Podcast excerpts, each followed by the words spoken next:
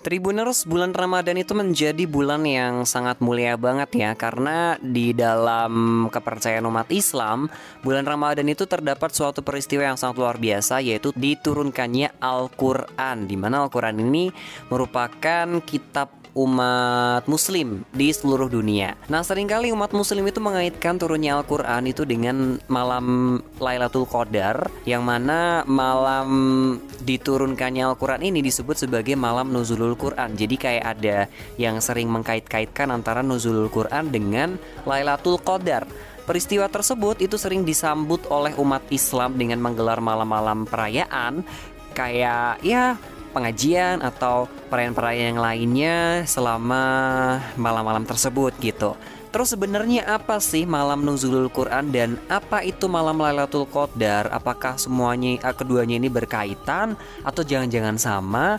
Nah, di episode Tribun News Style kali ini Hakim bakal nemenin kamu untuk ngebahas kira-kira ada nggak sih kesamaan atau kaitannya antara nuzulul Quran dengan malam Lailatul Qadar?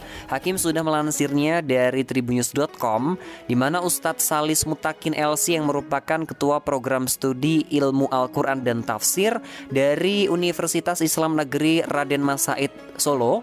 Beliau menjelaskan kalau Al-Quran itu turun tidak hanya dalam satu waktu aja nih teman-teman. Jadi ada dua waktu Allah menurunkan Al-Quran ini kepada Nabi Muhammad.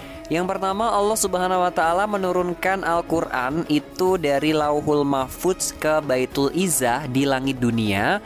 Nah setelah itu baru Allah menurunkan Al-Quran dari langit dunia kepada Rasulullah secara berangsur-angsur atau bertahap-tahap Nah, peristiwa diturunkannya Al-Quran dari Lauhul Mahfudz ke Baitul Izzah inilah yang disebut dengan malam Lailatul Qadar. Nah, dari sini teman-teman kita sudah tahu ya jawaban yang pertama, Lailatul Qadar itu adalah malam diturunkannya Al-Quran dari Lauhul Mahfudz ke Baitul Izzah. Itu disebut sebagai malam Lailatul Qadar di mana Allah Subhanahu wa taala juga menjelaskan tentang hal ini dalam Quran surat Al-Qadar ayat 1 sampai 5 yang berbunyi Inna anzalnahu fi lailatul qadar wa ma adraka ma lailatul qadar. Lailatul qadari khairum min alfi syahr. Tanazzalul malaikatu warruhu fiha biidni rabbihim min kulli amr.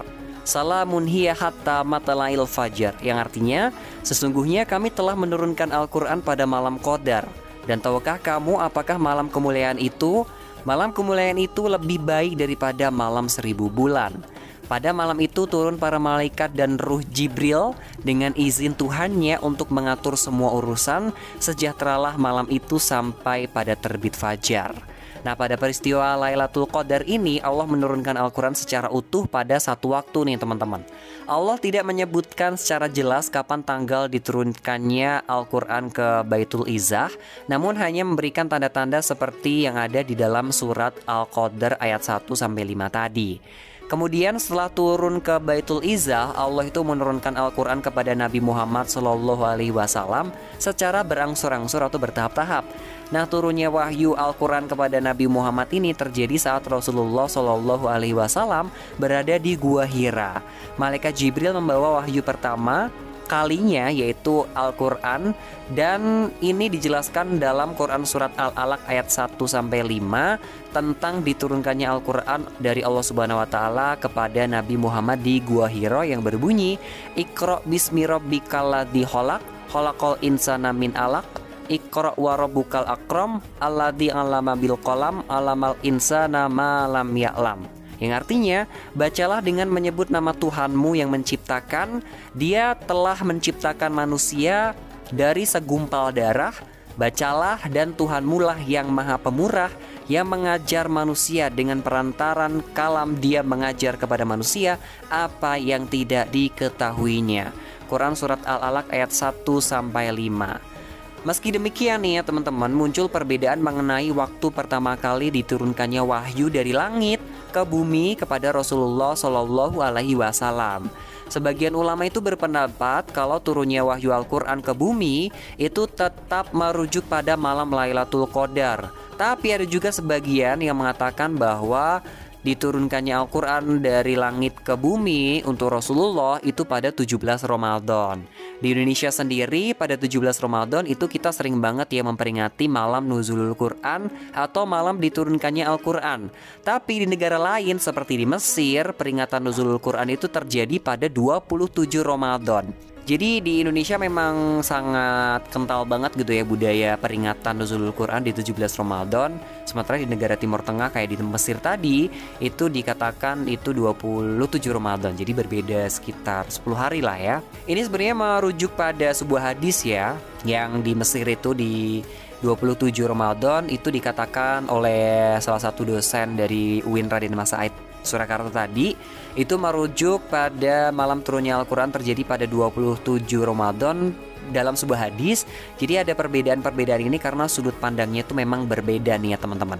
Dalam kisah turunnya wahyu pertama saat itu Rasulullah Shallallahu Alaihi Wasallam menginjak usia yang ke-40 tahun dan pada suatu malam Rasulullah itu gelisah gitu karena melihat masyarakat Mekah di sana tuh banyak banget yang membuat patung untuk disembah sebagai Tuhan. Nah maka dari itu Nabi Muhammad pun bergegas menuju Gua Hiro untuk melakukan perenungan, berpikir, memohon petunjuk juga dan juga memohon pertolongan dari Allah Subhanahu wa taala. Hingga pada malam 17 Ramadan, turunlah malaikat Jibril dalam bentuk pemuda yang gagah menghampiri Nabi Muhammad Shallallahu alaihi wasallam dan menyampaikan wahyu pertama yaitu Quran surat Al-Alaq ayat 1 sampai 5 yang tadi sudah Hakim bacakan beserta dengan artinya. Nah, itulah Tribuners teman-teman ya. Kita sudah mengetahui perbedaan antara malam Lailatul Qadar dan juga malam Nuzulul Quran di mana malam Nuzulul Quran itu adalah proses diturunkannya Al-Quran dari langit ke bumi untuk Nabi Muhammad. Tapi kalau malam Lailatul Qadar itu adalah malam diturunkannya Al-Quran dari Lauhul Mahfuz ya, dari Lauhul Mahfuz ke Baitul Izzah. Itu uh, Lailatul Qadar. Tapi kalau di Indonesia Nuzulul Quran itu diperingati setiap 17 Ramadan sementara di negara-negara lain itu bisa di 27 Ramadan. Itu saja yang bisa Kim kasih tahu ke teman-teman semuanya. Semoga bermanfaat dan kita bakal sambung lagi di lain kesempatan. Thank you for the time. Mohon maaf kalau banyak-banyak salah kata atau pengucapan pelafalan ayat-ayat hakim tadi kurang benar. I'm so sorry. Kita sama-sama belajar Learning every single day. Setiap hari kita belajar sama-sama menjadi manusia yang lebih baik Terutama di bulan suci Ramadan ini. Sampai jumpa dan selamat menunggu berbuka puasa